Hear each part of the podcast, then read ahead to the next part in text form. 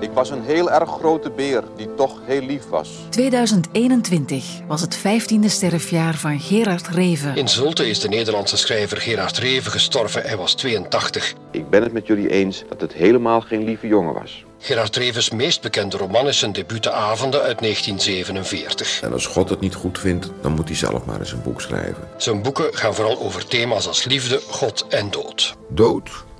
Dood. Hij kreeg belangrijke literaire prijzen zoals de PC Hoofdprijs en in 2001 de Grote Prijs der Letteren. Naast schrijver was Reven ook een begenadigd causeur op radio en tv.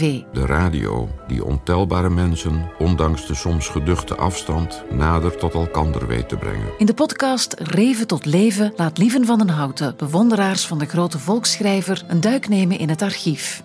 Uit de vele uren interviews kozen zij de mooiste momenten. Alle dieren zijn eigenlijk, zonder het te weten, katholiek. Reven tot leven. Decadentia, immorale, multifelti corti rocci. Radio 1.